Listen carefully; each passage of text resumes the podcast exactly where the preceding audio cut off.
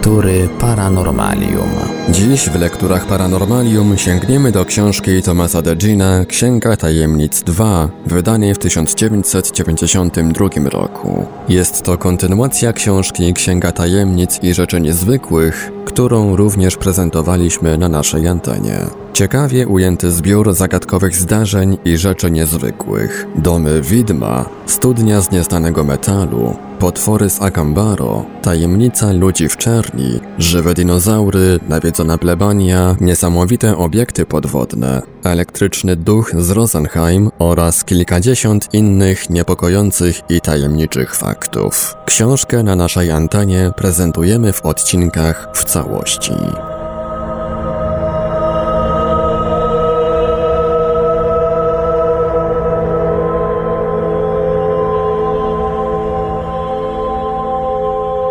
Żywy pterodaktyl i inne zagadkowe zwierzęta. The Illustrated London News z 9 lutego 1856 roku donosił Prawdziwy potwór. W Calmont we francuskiej prowincji Haute-Marne dokonano odkrycia o wielkim znaczeniu naukowym. Robotnicy zatrudnieni przy kopaniu tunelu, który miał udostępnić połączenie dwóch linii kolejowych Saint-Dizier i Nancy, wysadzili potężny blok kamienny i właśnie rozbijali go na kawałki, gdy nagle spostrzegli, jak z jamy, która się tam znajdowała, wyszło żywe stworzenie o potwornym wyglądzie. Ten stwór, który wydaje się należeć do klasy zwierząt uważanych za wymarłe, miał bardzo długą szyję i paszczę uzbrojoną w spiczaste zęby. Opierał się na czterech długich łapach, które były połączone błonami, przeznaczonymi zapewne do utrzymywania zwierzęcia w powietrzu i zakończone czterema palcami zaopatrzonymi w długie, haczykowate pazury. Kształtem przypominał nietoperza i różnił się od niego tylko wielkością. Był mniej więcej rozmiarów gęsi. Jego błoniaste skrzydła rozpościerały się na około 3,2 metra. Był szaro-czarny, miał skórę gładką, grubą i tłustą. Jelita zawierały tylko bezbarwny płyn.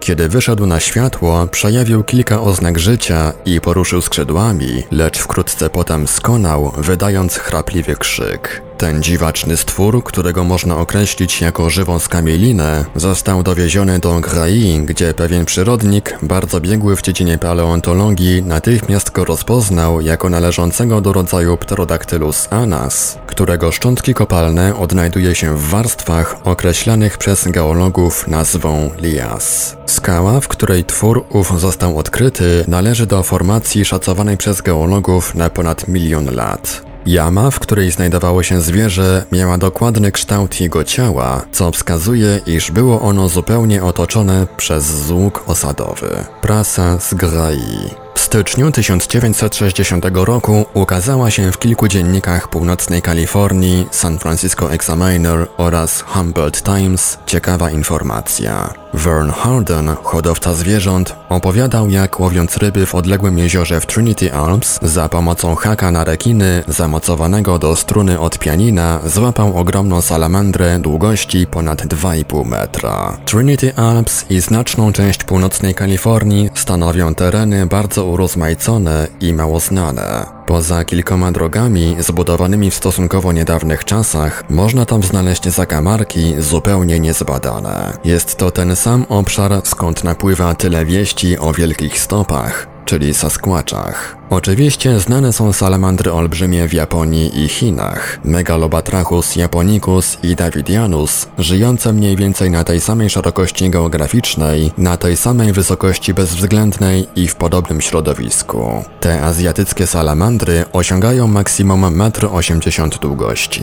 Największą znaną w Stanach Zjednoczonych salamandrą jest diabeł błotny z delty Mississippi, żyjący w wodzie Cryptobranchus alleganiensis, który osiąga około około 70 cm długości oraz inna salamandra z Kalifornii, ziemna, Dicamptodon ensatus, nazwana olbrzymią, chociaż nie przekracza 30 cm.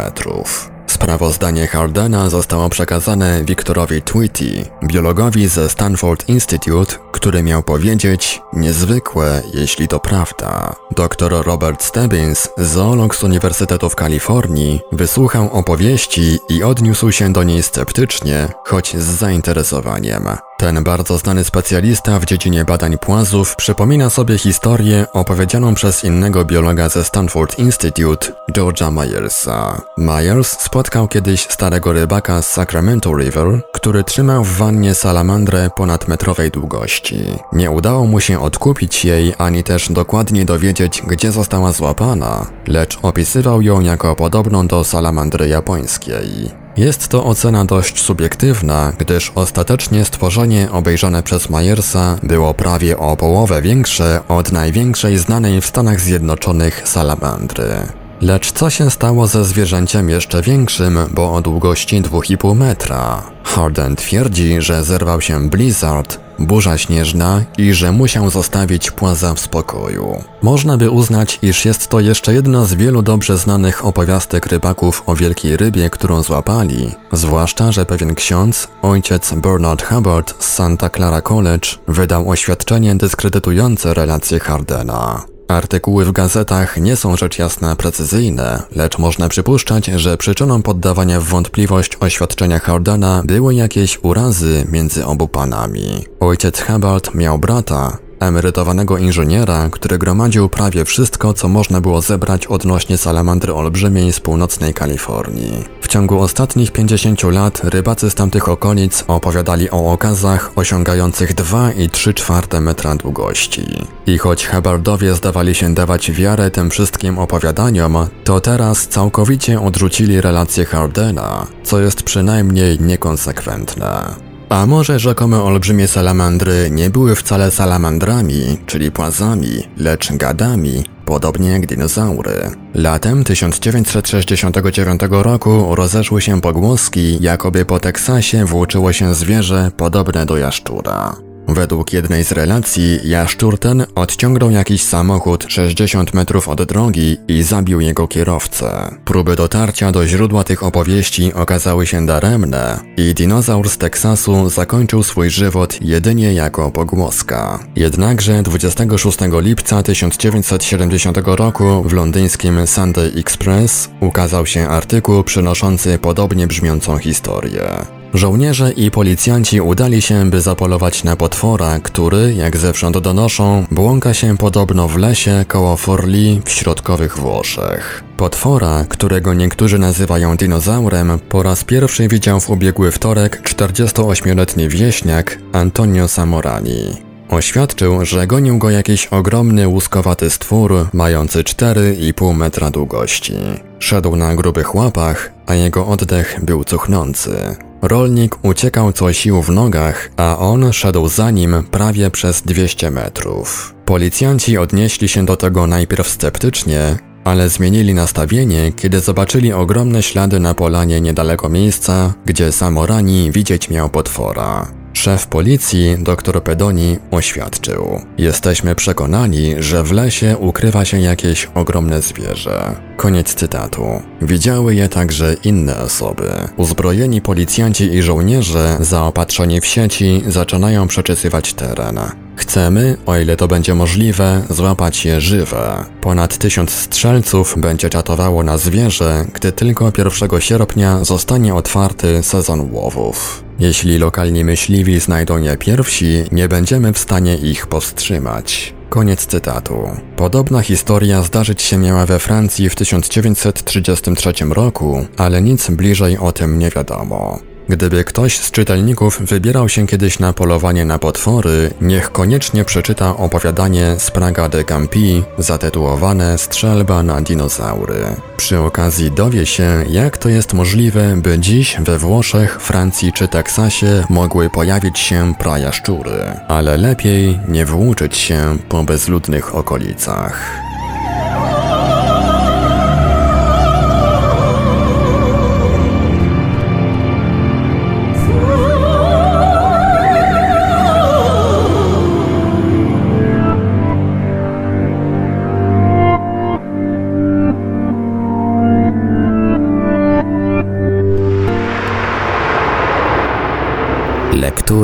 Paranormalium. Ślady obcych istot. Czy ludzie mieli już kiedykolwiek kontakt z istotami pozaziemskimi? Pytanie to nurtuje nie tylko autorów powieści science fiction, choć do niedawna problem kontaktów stanowił materiał głównie dla ich twórczości. Coraz więcej naukowców zajmuje się poszukiwaniem i badaniem śladów podejrzewanych o pochodzenie pozaziemskie. Jeden z takich śladów to skalne malowidła z epoki paleolitu i neolitu. Czy można ich powstanie przypisać wyłącznie fantazji prehistorycznych artystów? Wszak fantazja opiera się na rzeczywistości. A jak wytłumaczyć zgodność treści malowideł odkrywanych w różnych częściach świata? I wreszcie, jak wyjaśnić tak wielką eksplozję tego rodzaju fantazji? Istnieją teksty i legendy, na podstawie których można postawić hipotezę istnienia na Ziemi jakiejś wysoko rozwiniętej protocywilizacji. Jednakże nienaruszone rezerwy źródeł energii i surowców, bez których niemożliwe jest funkcjonowanie społeczeństw przemysłowych, to jeden z głównych argumentów przeciwko tej hipotezie. Nie znaleziono dotąd także śladów żadnego antycznego kompleksu przemysłowego. Warstwy przeszukiwanej przez archeologów Ziemi są pod tym względem całkowicie puste, choć odkryto w nich niezliczone ilości reliktów prymitywnych kultur. Legendarna Atlantyda także nie przekroczyła granic dzielących ją od społeczeństw uprzemysłowionych, ponieważ dysponowała ograniczonymi rezerwami paliw i energii. Sprawdzanie ich z zewnątrz musiałoby pozostawić w innych częściach świata jakieś ślady, zaś oficjalna akademicka nauka uważa, że nigdzie ich jednak nie ma. A tajemnicze kopalnie miedzi w Afryce Północnej? Powiedzą niektórzy. Dlatego też reprezentanci współczesnej archeologii i etnologii uważają, że tego rodzaju malowidła mają rytualne, religijne podłoże. Taka teoria może zostać przyjęta dla czasów już po powstaniu kultów religijnych. Jakie więc źródła i praformy zainspirowały twórców rysunków wyrytych w skałach Sahary, przedstawiających figury podobne do rakiet i astronautów? Ponieważ na to pytanie nie można udzielić jednoznacznej odpowiedzi, uważa się, że malowidła te służyły celom rytualnym, choć ich powstanie nie było nimi uwarunkowane. Zresztą dopóty, dopóki źródeł powstania masek, kostiumów i kultowych figur poszukiwać będzie się z tradycyjnych punktów widzenia, przekroczenie muru niewiedzy nie wydaje się możliwe. Dlaczego więc, skoro tu byli, nie pozostawili po sobie jednoznacznych śladów? Bezpośredni kontakt z pozaziemską cywilizacją może dokonywać się za pomocą różnorodnych zjawisk natury technicznej, biologicznej czy socjalnej. Nasi przodkowie mogli nie zdawać sobie sprawy z tego typu zjawisk, a tym samym nie wzbudzały one w ogóle ich zainteresowania. Wszak i wielu współczesnych uważa, że jedynie niebywałej natury kosmiczna zagadka stanowić może dowód na ich tutaj obecność. A czyż niedostatecznym śladem jest zjawisko natury technologicznej, polegające na nieporównywalności stopnia rozwoju niektórych technicznych i technologicznych elementów znalezionych przez archeologów z ogólnym stanem rozwoju danej epoki? Znaleziska takie nazywane są sprzecznymi historycznie technicyzmami. Drugi trop ma podłoże geograficzne. Pozwala on na wyszukanie pochodzących z różnych stref geograficznych i różnych epok czynników, które pokrywają się dokładnie w szczegółach. Na przykład odkryte na Czukotce tak zwane uskrzydlone obiekty znajdowano także i gdzie indziej. I choć próbowano w najróżniejszy sposób przyrównywać je do stylizowanych figur ptaków, motyli, uznawano je za ornamentykę laski szamana lub zdobienie łodzi, to aerodynamiczna i strukturalna analiza tych obiektów czyniła jeden z wariantów najbardziej prawdopodobnym. Wariant przyjmujący, że chodzi tu o odzwierciedlenie latających maszyn. Choć nie można wszystkich historycznych zjawisk tego typu odnosić do kontaktów z pozaziemskimi cywilizacjami, wiele z nich po dokładnych i wszechstronnych badaniach potwierdza możliwość obecności w czasach paleolitu gości z innej planety. Należy tu wymienić wszelkie rysunki, na których znaleźć można odwzorowanie kosmicznego umundurowania, a wśród nich słynne dogu z antycznej Japonii i ich odpowiedniki, okrągłe głowy z gór Tassili, mało znane rysunki mieszkańców Australii, Indian północnoamerykańskich, ludów Afryki, a także cały szereg płaskorzeźb wykonanych przez Majów. Ich kodeks madrycki zawiera szereg ilustracji przedstawiających mitologiczne postacie, wyposażone w tak zwane plecaki, porównywalne z dzisiejszymi systemami indywidualnego przeżycia. Wniosek powyższy jest wynikiem analizy wielu charakterystycznych elementów, takich jak przymocowany na stałe tornister, obcisłe spodnie, części wyposażenia osłony głowy, mogące służyć potrzebom nawigacji lub wysyłaniu sygnałów świetlnych. W różnych częściach świata znaleziono ponad 100 pochodzących z czasów starożytnych malowideł, których motywem jest zaopatrzona w różnego rodzaju astronautyczne elementy postać. Rozmieszczenie owych elementów w istotny sposób pokrywa się z układem oprzyrządowania w kombinezonach lotników i kosmonautów. Nasuwa się tu jednak kolejne pytanie.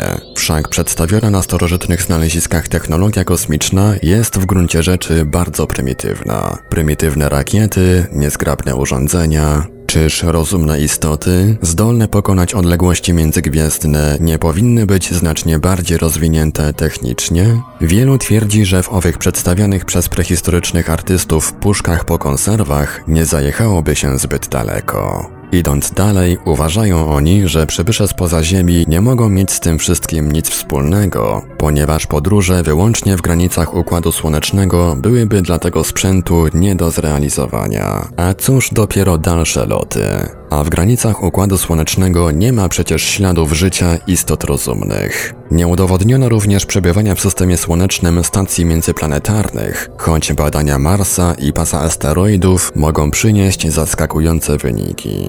Ale jeżeli oni tu byli, to dlaczego przestali się z nami kontaktować? Jest możliwe, że istoty pozaziemskie są wśród nas, unikając jednak jakiegokolwiek kontaktu.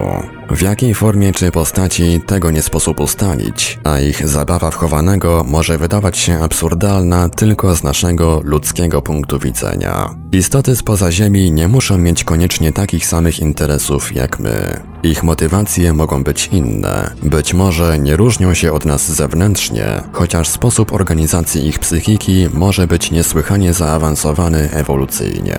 Po osiągnięciu takiego stopnia rozwoju, podróże międzyplanetarne mogą spoczywać na barkach biorobotów, niezaprogramowanych na kontakt z ludźmi. Poszukiwanie rozumu pozaziemskiego, tak w przeszłości jak i w przyszłości, służyć powinno nie wymazywaniu osiągnięć naszej cywilizacji, a przeciwnie, rozszerzaniu naszych horyzontów.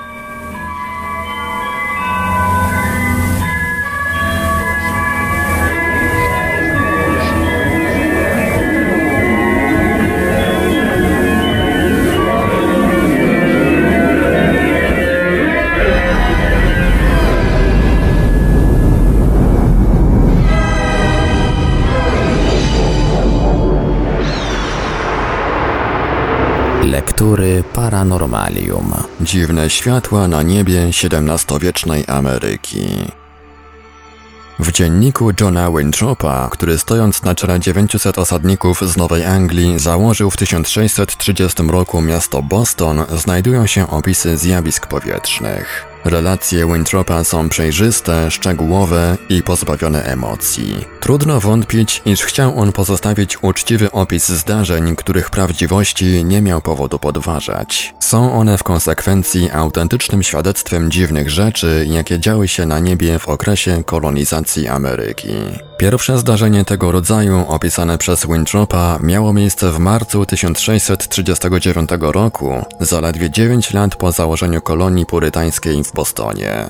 James Everell, znany jako, cytat, człowiek skromny i roztropny, od 1634 roku członek pierwszego kościoła purytańskiego, któregoś dnia około godziny 22 przepływał wraz z dwoma innymi mężczyznami Muddy River, błotnistą rzekę, która była wówczas ważnym dopływem rzeki Charles, zasypanym później i tworzącym grunt dla obszarów łączących dziś Back Bay z Bostonem. Nagle tuż ponad nimi rozbłysło na niebie wielkie światło. Stało ono z początku nieruchomo i Everall, na tyle na ile było to możliwe, dostrzegł, że miało ono kształt kwadratowy lub może prostokątny, o rozmiarach mniej więcej 2,5 na 3 metry. Niespodziewanie światło przeniosło się bardzo szybko ponad rzekę Charles w stronę Charlestown, po czym wróciło w to samo miejsce. W czasie dwóch do trzech godzin przemieszczało się tak zygzakiem nad Muddy River i rzekę Charles, oddalając się pospiesznie, wracając równie szybko. Przez krótką chwilę trwało nieruchomo i znów rozpoczynało swój taniec. Sparaliżowani ze strachu, Everall i jego towarzysze trzęśli się skuleni na dnie łódki, nie mogąc wiosłować ani popchnąć swego statku żercią.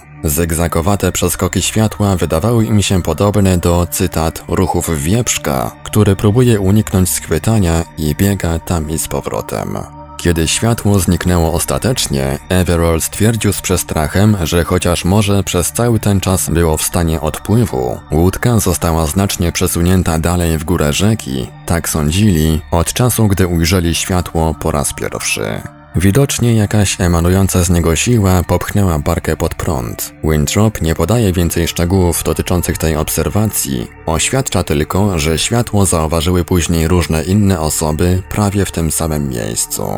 Pięć lat później zdarzył się podobny, choć jeszcze bardziej interesujący wypadek. Wieczorem 18 stycznia 1644 roku w okolicach Bostonu wiele osób spoglądających w stronę morza dojrzało około godziny 20 światło o wielkości mniej więcej księżyca, które wznosiło się ponad horyzont na północnym wschodzie. Kilka minut później ukazało się inne, bardzo podobne do tamtego, które szło od wschodu i zbliżało się do pierwszego, znajdującego się obecnie nad wyspą Noodle w bostońskim porcie. Zaczęła się wówczas jakby zabawa w kotka i myszkę pomiędzy tymi dwoma światłami. Cytat. Jedno zbliżało się do drugiego, później oddalało się i zbliżało znowu wiele razy, aż w końcu zapadły za wzgórze wyspy i znikły. Koniec cytatu. Z oddali wyrzucały w swoim kierunku małe płomienie, czy też iskry. W tej samej chwili wiele osób znajdujących się na wodzie między Bostonem i Dorchester słyszało, jak twierdzą, głos w niebie, który wymawiał w sposób straszliwy słowa mały, mały, chodź, chodź.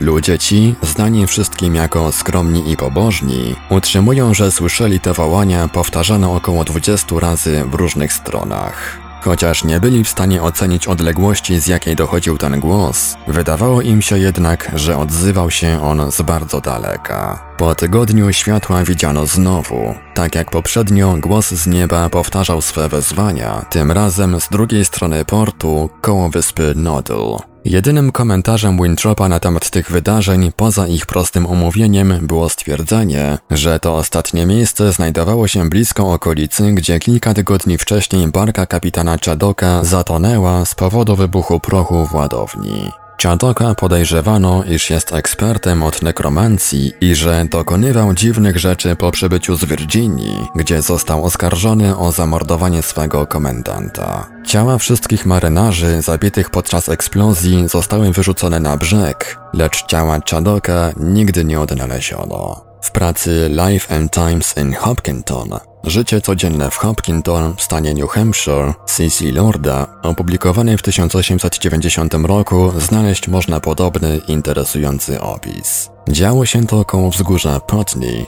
znanego jednocześnie pod nazwą wzgórza Gold, w północnej części miasta położonej nad doliną Contoocook. Resztki lasu sosnowego na północnym zboczu tego wzgórza uważane były za dawne obserwatorium indiańskie, gdzie czerwonoskórzy wartownicy czatowali na wrogich nabusiów.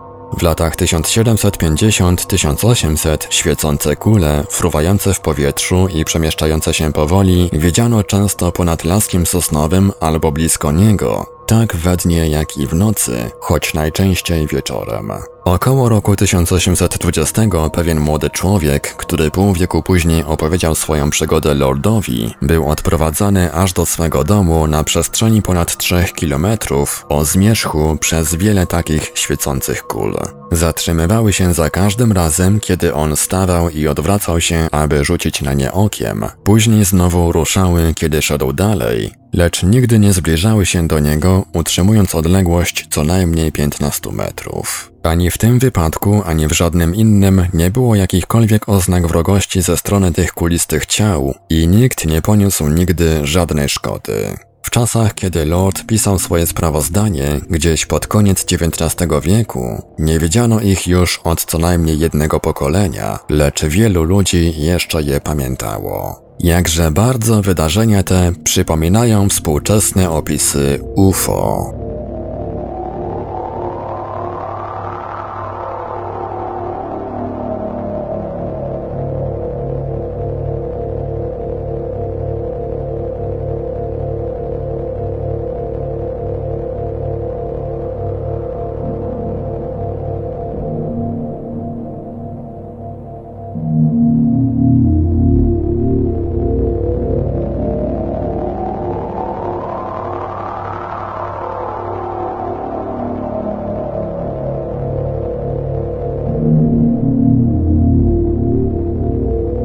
Radiu Paranormalium zaprezentowaliśmy fragment książki Tomasa Degina Księga Tajemnic 2. Dalszy ciąg w kolejnym odcinku Lektur Paranormalium.